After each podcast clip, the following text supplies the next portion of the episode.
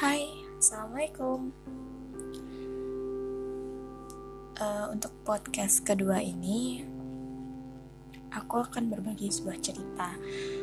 Ya walaupun cerita ini bukan dari aku pribadi sih yang ngalamin Tapi uh, ketika aku mendatangi sebuah kajian kemarin itu sempat ada kajian tentang uh, visi misi keluarga gitu kan dan komunikasi oleh Bu Dini Sumaryanti dari Bogor, beliau sempat menyampaikan di dalam kajian tersebut uh, sedikit cerita ya, mungkin juga uh, hikmah atau nilai-nilai atau pesan pesan dari cerita ini bisa kita jadikan untuk intro introspeksi diri. Nah, gitu ya. Jadi gini ketika itu uh, di sebuah waktu gitu Bu Dini sedang mengikuti sebuah acara training dan di acara tersebut ada segmen di mana uh, peserta training itu ada waktu istirahat. Nah, sebelum sebelum istirahat, trainernya itu memberikan masing-masing peserta yang jumlahnya sekitar 30 orang itu saat itu eh, masing-masing tuh dapat sebuah paperclip. Tahu kan paperclip uh, itu yang buat jepit kertas itu? Nah masing-masing itu dan trainernya tuh bilang e, silahkan bebas gitu keluar mencari ke mana pun dan hmm, tolong nanti ketika kembali ke sini tolong bawa barang yang lebih berharga daripada paperclip ini Nah sekarang coba teman-teman bayangin deh. Paperclip loh Satu. Itu harganya berapa sih gitu kan? Nah kita disuruh nyari barang yang lebih berharga dari paperclip itu gitu. Nah akhirnya uh, Budini dan semua peserta yang ada di situ juga akhirnya keluar gitu kan dari tempat itu untuk mencari uh, mencari sebuah barang yang berharga, lebih berharga dari paperclip itu untuk dibawa balik ke uh, gedung itu gitu kan. Nah, ketika itu yang terfikirkan oleh Budini sebagai uh, yang mengalami hal ini melihat ada uh, dua orang perempuan memakai kerudung besar gitu kan maksudnya udah maksudnya udah udah berjilbab syari seperti itu dan di dalam masjid pula itu kan. Jadi kan pikiran kita kan berekspektasi pasti kan hmm, wah kayaknya mbaknya yang itu bisa nih membantu kita kayak gitu kan. Pasti mbaknya baik deh. Nah seperti itu kan pasti. Ya kan? Ketika kita melihat orang yang dengan pakaiannya sudah seperti itu gitu kan syari. Aku aku nggak nggak bukan mau apa ya bukan mau menjudge setiap orang yang berkerudung besar seperti itu bukan. Cuma mungkin uh, ada pelajaran yang bisa kita ambil dari sini. Jadi dengerin ceritanya sampai habis ya. Nah lanjutkan kembali lagi. Nah setelah berpikir seperti itu akhirnya datang dong Budini ke situ kan. Datang dong permisi mbak gitu kan. Permisi mbak saya punya paperclip nih satu tuh boleh nggak mbak kalau ditukar dengan uh, barang yang berharga punya mbak? Terserah deh satu lembar tisu juga nggak apa-apa mbak. Seperti itu. Dan apa yang dibilang dengan mbak-mbak yang itu? Aduh maaf bu, maaf nggak bisa, maaf saya saya nggak nggak tahu apa-apa, maaf. Kayak gitu dan dan saat itu itu ngebuat hati Budin itu teriris rasanya yang dirasain apa?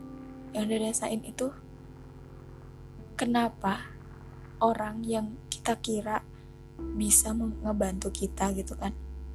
Tapi ternyata malah ya orang itu ngecewain kita gitu secara tidak langsung. Seperti itu. Dan terkadang kita pernah gak sih melakukan hal itu kepada orang lain secara tidak sengaja dengan dalih kita sibuk. Padahal mungkin yang meminta bantuan itu adalah orang tua kita, ibu kita mungkin, misalnya kak beliin bawang dong di warung. Ntar deh bu masih sibuk. Sih rasanya gimana tuh? Pasti ibu kita kecewa banget. Ya kayak gitu. Jadi coba deh teman-teman ingat kapan ya terakhir ngebantu orang? Atau kapan ya terakhir kita bisa jadi sandaran buat orang? Atau kapan ya terakhir kita tuh bisa ngebuat orang tuh tersenyum kayak gitu? Coba kita koreksi ke diri kita masing-masing. Oke lanjut ya. Balik lagi ke cerita. Oke setelah itu uh, beliau beliaunya uh, keluar mencari tempat yang lain dengan masih ternyuh gitu kan hatinya. Maksudnya masih kayak ya kecewa ya ternyuh ya kepikiran juga diri sendirinya gitu kan. Jangan-jangan gitu kan jangan-jangan kita tuh pernah gitu ketika ada orang yang mau minta bantuan kita menganggap bahwa kita bisa membantu dia gitu kan. Tapi sebelum dia menyampaikan menyampaikan isi curahan hatinya dia gitu kan sebelum semua semua beban hidupnya dia sampaikan kepada kita tapi kita tuh udah nolak duluan gitu loh. Jadi kayak bukan PHP ya tapi udah no udah ditolak sebelum berharap gitu. Sakit gak sih? Nah kayak gitu kan. Nah terus keluarlah akhirnya ada teman sama-sama peserta waktu itu. Dia dapat uh, sebotol kopi minuman kopi gitu kan. Yang mungkin harganya sekitar 7 ribuan gitu. Setelah ditanya gitu kan sama beliau dapat dari mana tuh neng? gitu kan. Itu dari ibu-ibu warung. Tahu kan warung kecil yang dia uh, warung kelontong. Bukan toko kelontong juga ya. Ya warung kecil yang kotak yang kita masuk tuh cuma satu orang aja gitu di dalam warung itu. Si penjaga si ibunya itu yang bisa di pinggir-pinggir jalan itu nah kayak gitu kan. Dari situ katanya oke akhirnya disusullah Budini ke sana kan.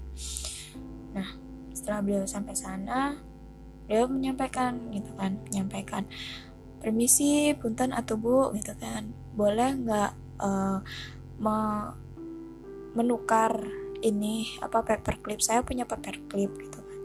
Tapi saya pengen menukar apa yang berharga di sini bagi ibu gitu kan. Dengan paperclip ini terus ibunya tuh bilang aduh neng. Ya mas semuanya berharga buat ibu kata gitu kan. Maksudnya semua barang di sini barang dagangannya ibu ini adalah berharga buat ibunya gitu. Sok atau mangga. Dipilih atau neng yang mau uh, yang berharga buat neng teh naon gitu kan. Jadi apa sih yang berharga buat kamu gitu. Ambil aja kata gitu kan. Sok mangga. Nah, terus akhirnya Budini pengen menguji lah ya ceritanya. Pengen menguji ngambil barang yang di situ mungkin paling mahal gitu kan sekitar tujuh ribuan gitu. Jadi dia uh, beliau ngambil kopi gitu kan buat uh, apa minuman kopi gitu kan. Terus bu saya mau ini gitu kan. Oh ya di, dibawa aja tuh kata gitu kan. Ya ini apa nggak apa-apa gitu kan. Terus bu saya mau kopi loh bu gitu kan. Masa di diingetin lagi harganya tuh mahal gitu kan. Terus iya nggak apa-apa mbak gitu kan. Kalau masa bahasa Jawanya wes rapopo mbak kobon wae kayak gitu kan. Udah nggak apa-apa bawa aja gitu kan. Kalau memang itu berharga bagi mbak bawa aja gak apa-apa. Dan di situ bun ini nangis lagi. Karena pelajaran yang kedua kita dapat adalah ternyata orang jikalau memang hatinya tuh ikhlas maksudnya harta tuh cuma digenggam aja itu tuh lebih gampang untuk melepaskan gitu loh.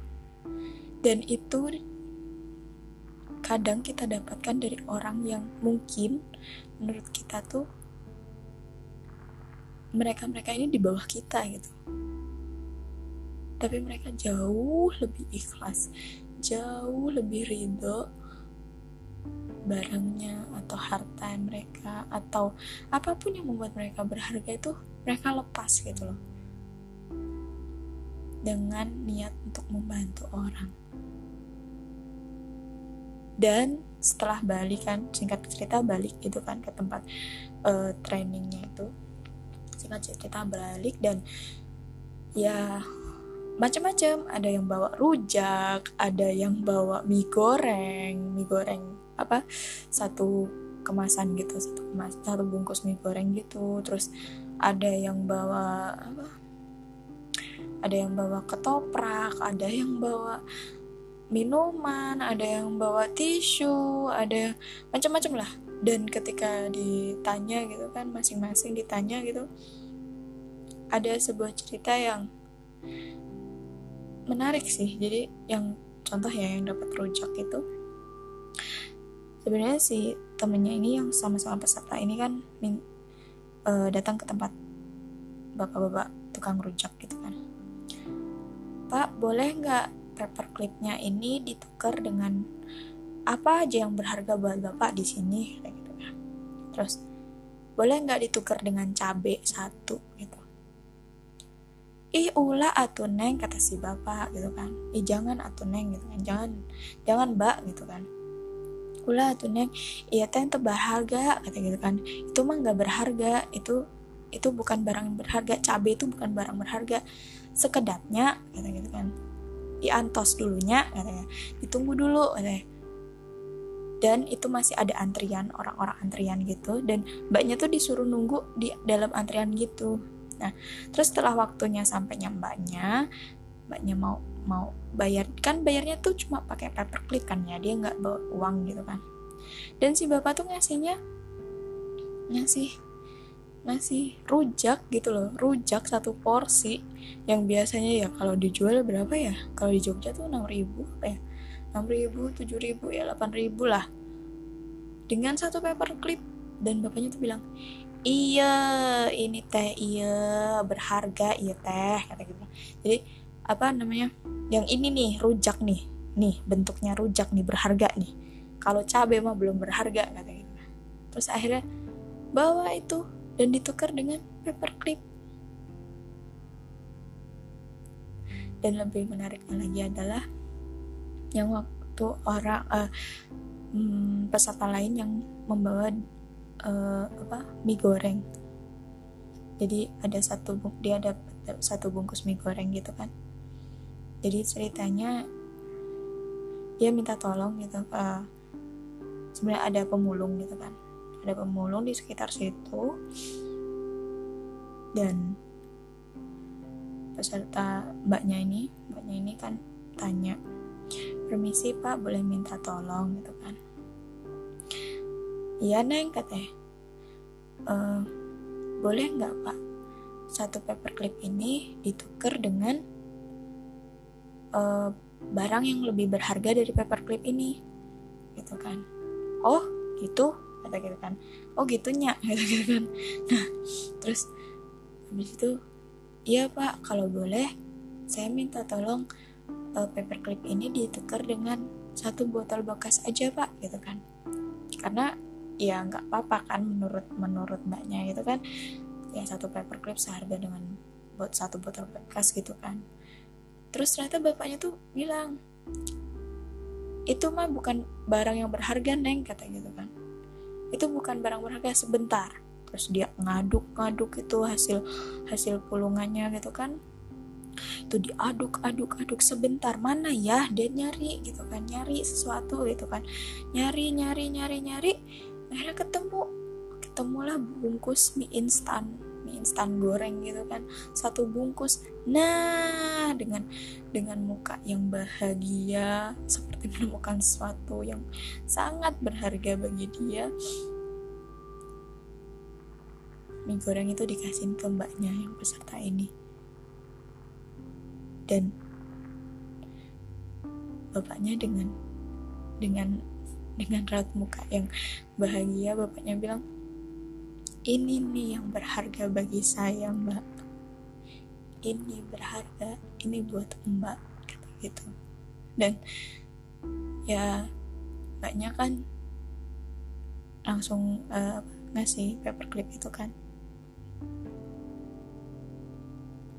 Dan yang menarik di sini adalah mungkin gitu kan mungkin mie goreng itu adalah makan makan malam bagi keluarganya bapaknya itu nanti malam. Jadi bahan makanan untuk makan malam nanti saat keluarga bapaknya itu. Dan beliau tuh dengan gampangnya ngasihin untuk orang yang baru beliau kenal gitu kan. Dan hanya ditekan dengan paperclip itu sekarang kita kita berkaca pada diri kita kan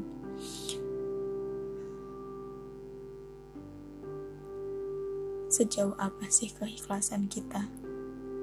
Serela apa dan serido apa sih? Ketika kita diminta untuk memberikan sesuatu yang berharga yang itu mungkin bukan milik kita harta kita kan tidak sepenuhnya milik kita.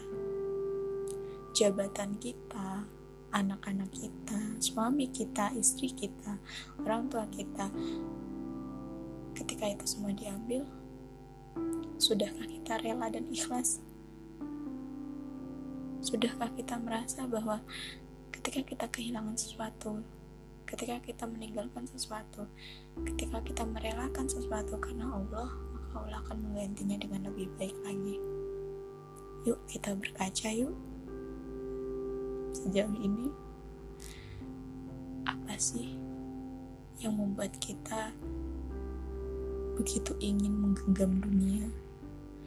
Atau bahkan menaruh dunia dalam hati kita. Apa sih yang membuat kita merasa bangga akan dunia?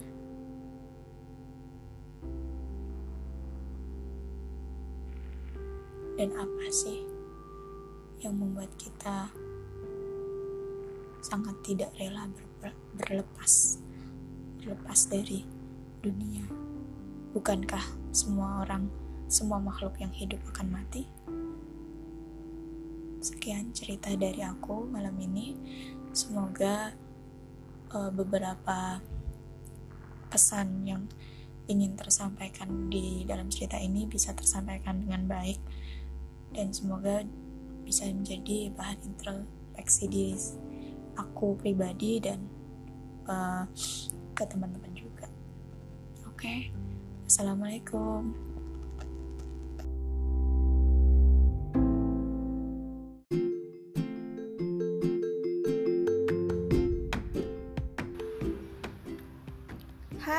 Assalamualaikum warahmatullahi wabarakatuh. Kembali lagi di Obras Obrolan Rame Sylvia. Yes, kalau rame banget sih enggak ya Soalnya kan aku sendirian.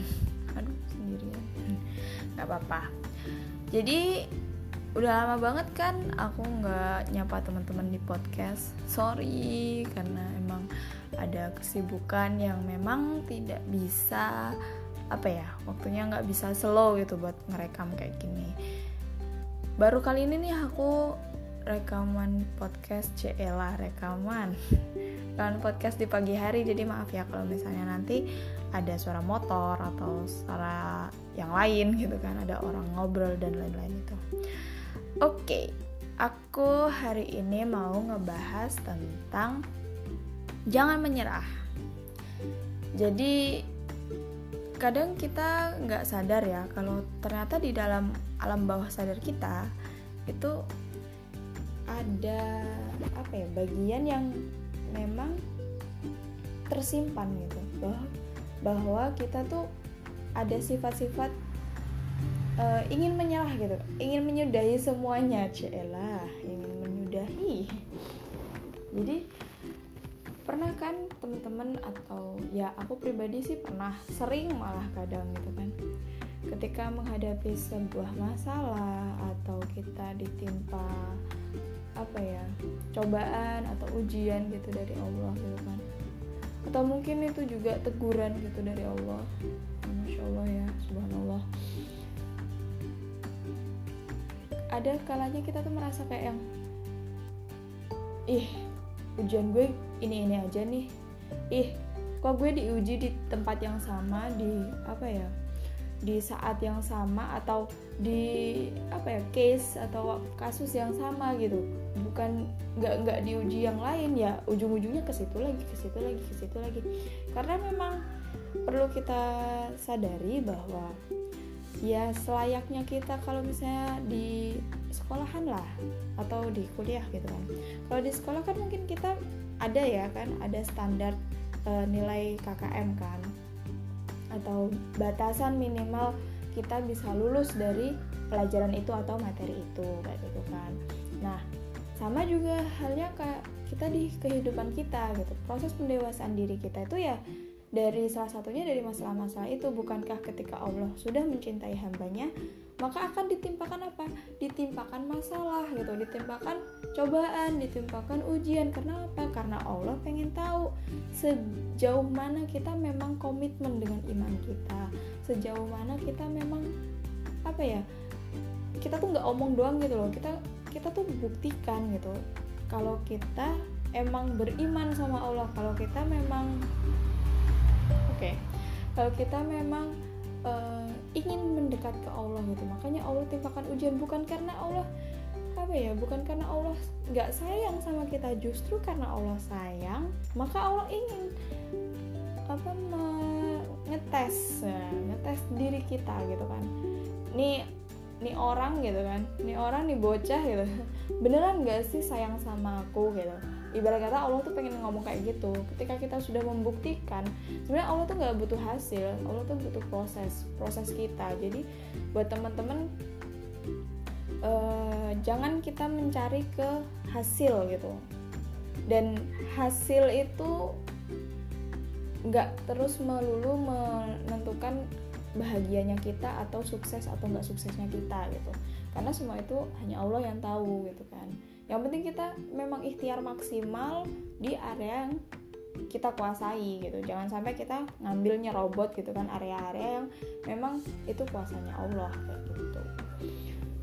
Uh, balik lagi ke tadi kan ujian yang diujikan lagi. Seperti halnya kalau kita misalnya di akademisi kayak gitu ya di sekolah gitu kan. Kita mendapatkan nilai misalnya di bawah dari nilai rata-rata minimal kita bisa lulus dari materi itu atau pelajaran itu. Pastikan guru kita ngasih kita remet kan remedi gitu kan. Untuk apa? Ya biar kita seenggaknya tuh lulus gitu lulus.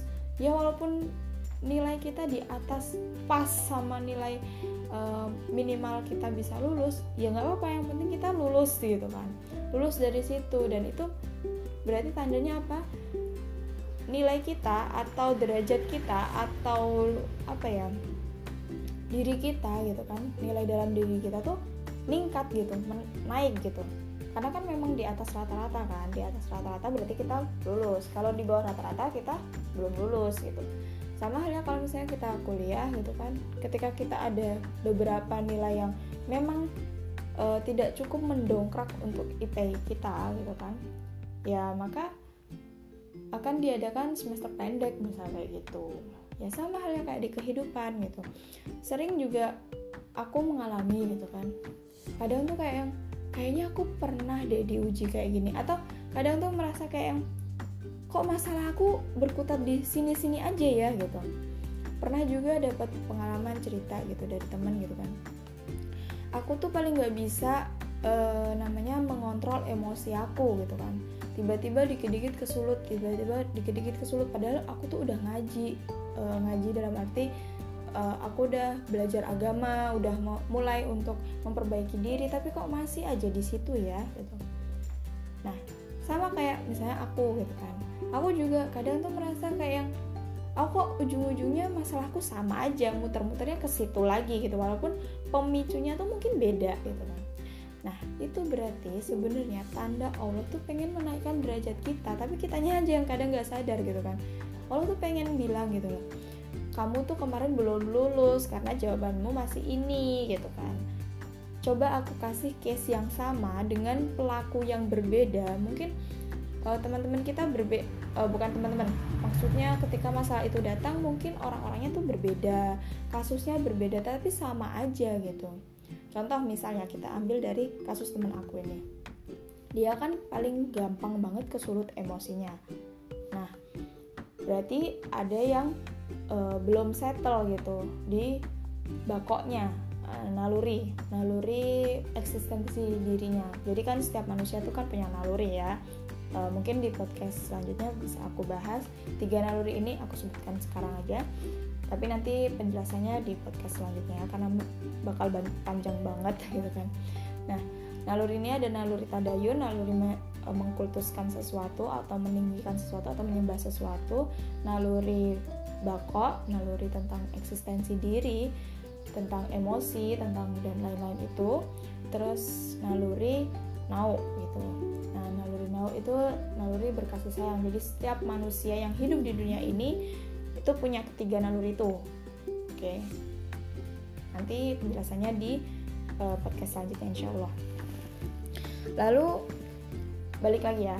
Tadi kan berarti yang disenggol itu naluri bakoknya kan? Tentang eksistensi diri tentang emosi kayak gitu kan. Nah terus dari cerita teman aku ini kan berarti dikit-dikit gitu kan. Dikit-dikit dia bisa kepancing emosinya. Dan setelah aku tanya-tanya gitu kan aku setelah survei gitu kan memang kalau dipikir-pikir gitu kan kalau dipikir-pikir memang beberapa kasusnya tuh pelakunya beda-beda gitu. Misal besok uh, misal kemarin tuh ada masalah sama si A gitu. Terus besoknya ternyata ada masalah sama si B gitu. Terus besoknya ada masalah sama si C bukan berarti si A ini belum kelar si B belum kelar terus ada si C. Enggak mungkin si A ini udah kelar gitu kan masalahnya. Si B udah kelar terus akhirnya si C. Tapi dari si A si B si C walaupun ini orangnya berbeda ujung-ujungnya tuh tetap aja dia naik juga bakoknya. Dia juga emosi juga gitu kan. Tiba-tiba emosi. Dan ya sebenarnya diujinya di situ. Diujinya di situ maksudnya gimana ya mungkin Allah tuh pengen tahu gitu loh. Allah tuh pengen tahu dengan kamu ngaji Islam harusnya tuh kamu bisa gitu menurunkan egomu untuk tidak gampang emosi. Karena apa? Islam sendiri sudah men, uh, sudah mengajarkan kepada kita melalui Rasulullah SAW bahwa ketika kita marah kita harus apa? Ketika kita marahnya berdiri kita harus duduk. Ketika kita duduk kok masih marah kita harus berbaring. Tapi kalau kita misalnya berbaring kok masih marah kita harus wudhu nah setelah kita ternyata wudhu kok masih marah kok masih rasanya emosi gitu kan ya kita sholat gitu loh. Jadi ya apa ya Islam tuh udah lengkap banget lah. Saya bahkan perkara marah pun tuh dijelasin kita kudu piye gitu kan. Jadi nggak serta merta kita kita lampiaskan emosi kita kita harus keluarkan semua dengan jalan yang salah. Misal banting-banting piring misal apalah apa ngerusakin apa gitu kan atau nonjok-nonjok siapa. Nggak kayak gitu ternyata gitu loh. Begitu sempurnanya Islam kan sampai bahkan marah pun emosi tuh bisa kita salurkan tapi dengan cara yang benar kayak gitu.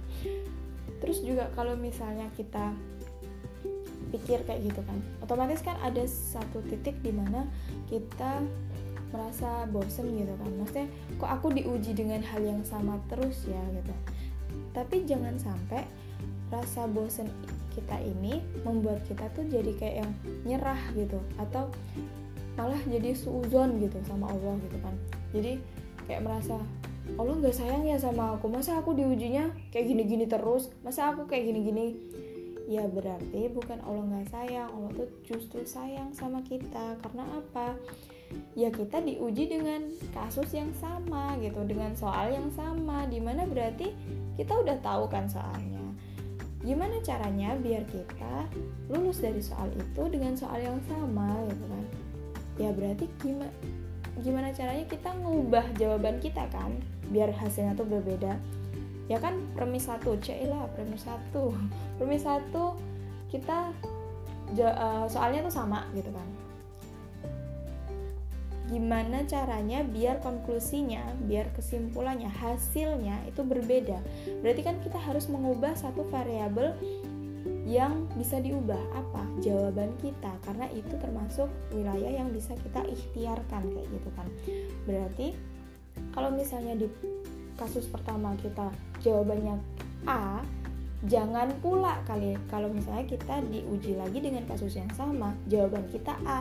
Kenapa? Hasilnya pun yang gak jauh beda dari yang sebelumnya dan kita belum tentu bisa naik level gitu kan. Kita malah mungkin tinggal kelas gitu loh. Jadi ya kalau misalnya kasusnya A kok jawaban A itu salah maka ketika kita diujikan dengan kasus yang sama gantilah jawaban dengan B, C atau D kan banyak jawabannya gitu. Nah dari situ kita bisa tahu gitu loh.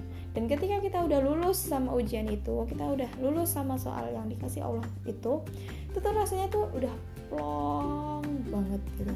Dan kita bakal menyadari sesuatu bahwa kita bisa, kita bisa kok. Dan Allah tuh udah tahu porsi ujian masing-masing. Jadi kita lahir tuh udah dikasih porsinya sama Allah. Kita gagal berapa kali kita ujiannya tuh dikasih berapa kali kita bakal dikasih kado dari Allah kado istimewa dari Allah surprise gitu kan. Itu berapa kali kayak gitu. Itu udah ada. Itu termasuk rizki ya. Nah jadi ya kayak gitu nanti ketika kita udah lulus gitu kan udah lulus ujian tuh rasanya tuh kayak wow ternyata gue bisa ya ngelakuin kayak gini. Atau mungkin rasanya lebih kayak yang alhamdulillah gitu kan. Kita tuh udah bisa melalui itu. Jadi ketika ada orang yang misalnya cerita dan ternyata kasusnya mirip-mirip sama kita tuh kita bisa ngasih bisa bisa ngasih apa ya kayak bisa bisa sharing lah intinya bisa sharing gitu kan. Bisa sharing kalau dulu kita juga pernah mengalami kayak gitu. Dan insya Allah gitu ketika kita sudah bisa merasa lega merasa apa ya kita bisa naik level gitu kan. Naik levelnya tandanya apa nih gitu. Ya kalau misalnya kita diuji dengan hal itu kita tuh udah udah merasa santai aja gitu. Nggak nggak yang aduh gimana ini? Keluarnya kayak gimana ya uh, jawabannya gimana ya ini? Gitu maksudnya ya ya udah dikasih soal yang sama ya ya udah udah pernah gitu kan. Kayak gitu rasanya tuh nggak ada kecewa nggak ada marah nggak ada ya santai aja gitu. Biasa gitu biasa aja gitu loh. Jadi ketika kita sudah ketemu sama masalah kok kita biasa aja berarti insya Allah itu Allah tuh udah membuat kita udah naik level gitu kan. Jadi masalah yang kayak gitu case kayak gitu tuh udah biasa aja. Ya sama kayak kita main game lah. Kan, ada level-levelnya nih kayak gitu. Ketika kita udah selesai level pertama dan level kedua ternyata ada sebagiannya level pertama kan otomatis uh, apa ya kita bisa menyelesaikan dengan gampang di level pertama gitu. Sama kayak gitu. Terus juga kalau misalnya kita mau nyerah juga coba tanyain sama diri kita waktu kita bayi kita belajar jalan gitu kan.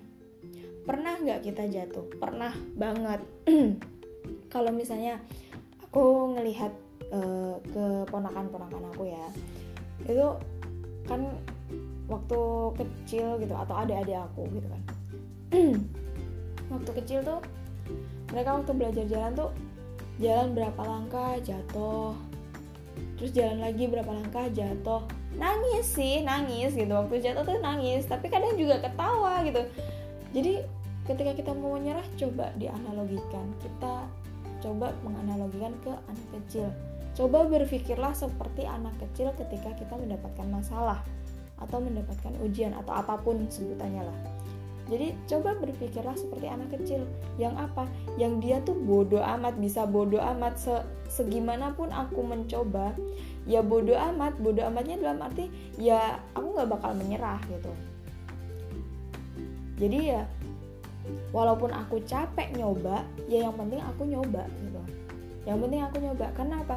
Ketika kita sudah bisa melalui itu secara nggak sadar itu ada tangga-tangga kegagalan yang sudah kita lalui, yang sudah kita tapaki sehingga kita berada di puncak keberhasilan. Jadi kalau misalnya saat ini ada teman-teman, ada dari saudara kita atau kita sendiri punya masalah dan kita merasa kayak oh ini gimana sih? Gitu kan. Ini gimana gimana sih jalan keluarnya? Misalnya gitu.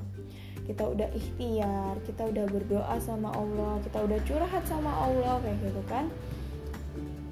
Salah satu yang perlu kita tanamkan dalam diri kita adalah jadilah anak kecil ambil semangatnya. Anak kecil nggak pernah kan ketika dia nggak bisa maksudnya belajar jalan gitu kan jatuh terus nggak mau nyoba kan nggak ada. Walaupun dia nangis walaupun dia jatuh terus uh, sampai berdarah gitu kan mungkin kakinya berdarah nangis sih. Cuma ya besoknya belajar jalan lagi atau sama yang anak baru belajar naik sepeda. Nah sama juga tuh. Pertama dari rodanya empat gitu kan terus jadi rodanya tiga terus rodanya dua kayak gitu.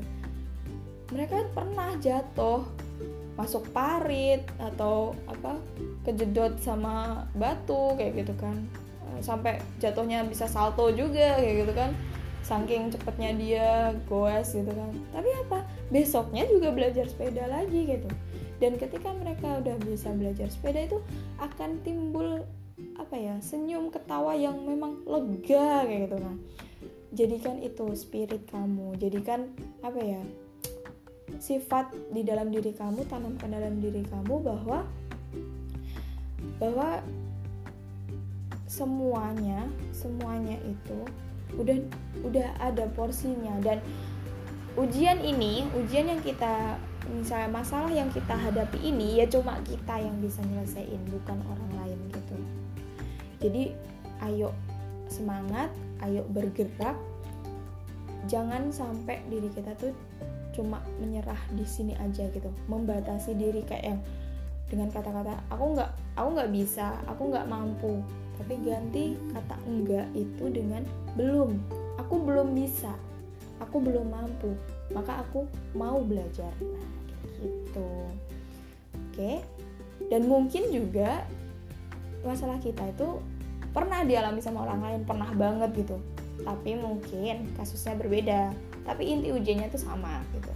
Jadi tenang aja nggak usah yang kayak gimana gimana kalau diuji mah tenang aja. Malah harusnya seneng gitu. Kita sebagai umat muslim harusnya seneng gitu. Kalau diuji karena apa? Berarti Allah tuh tandanya masih sayang sama kita. Kita tuh nggak ditelantarkan lah ibarat kata. Kita tuh nggak di apa ya dibiarin gitu sama Allah. Kita tuh masih masih ya disayang sama Allah masih disapa-sapa. Jadi ujian tuh kayak sapaannya Allah. Berarti mungkin gitu selama ini kita mungkin sudah lupa sama Allah. Atau kita pernah apa ya ingin berbalik arah gitu dari arah dari arahnya menuju Allah kayak gitu. Makanya Allah tuh kayak mau nyentil gitu loh jawil gitu loh. Bahasa Jawanya menjawil gitu. Eh sini loh sini loh. Kayak gitu. Tapi dengan ujian-ujian tersebut gitu atau masalah tersebut gitu. Jadi buat teman-teman buat aku sendiri juga. Ayo semangat mumpung kita ini hari masih pagi kan? Jumat juga kan? Oh kita harus semangat. Apa pun ujiannya aja apa pun ujiannya teh sosro bukan bukannya bukan kayak gitu. Apa pun ujiannya kita pasti bisa. Karena apa? Karena Allah sudah memilih kita untuk menyelesaikan masalah kita. Hanya kita yang bisa menyelesaikan masalah ini. Hanya kita. Jadi Allah tuh ngasih ujian tuh udah sama jawabannya sebenarnya. Cuma kadang kita tuh belum nyari jawaban itu gitu. Oke teman-teman terima kasih. Uh, maaf kalau misalnya ada salah kata. Ambil yang manfaat buang yang nggak manfaat. Insya Allah kita lanjut lagi ke podcast selanjutnya. Wassalamualaikum warahmatullahi wabarakatuh. Bye bye.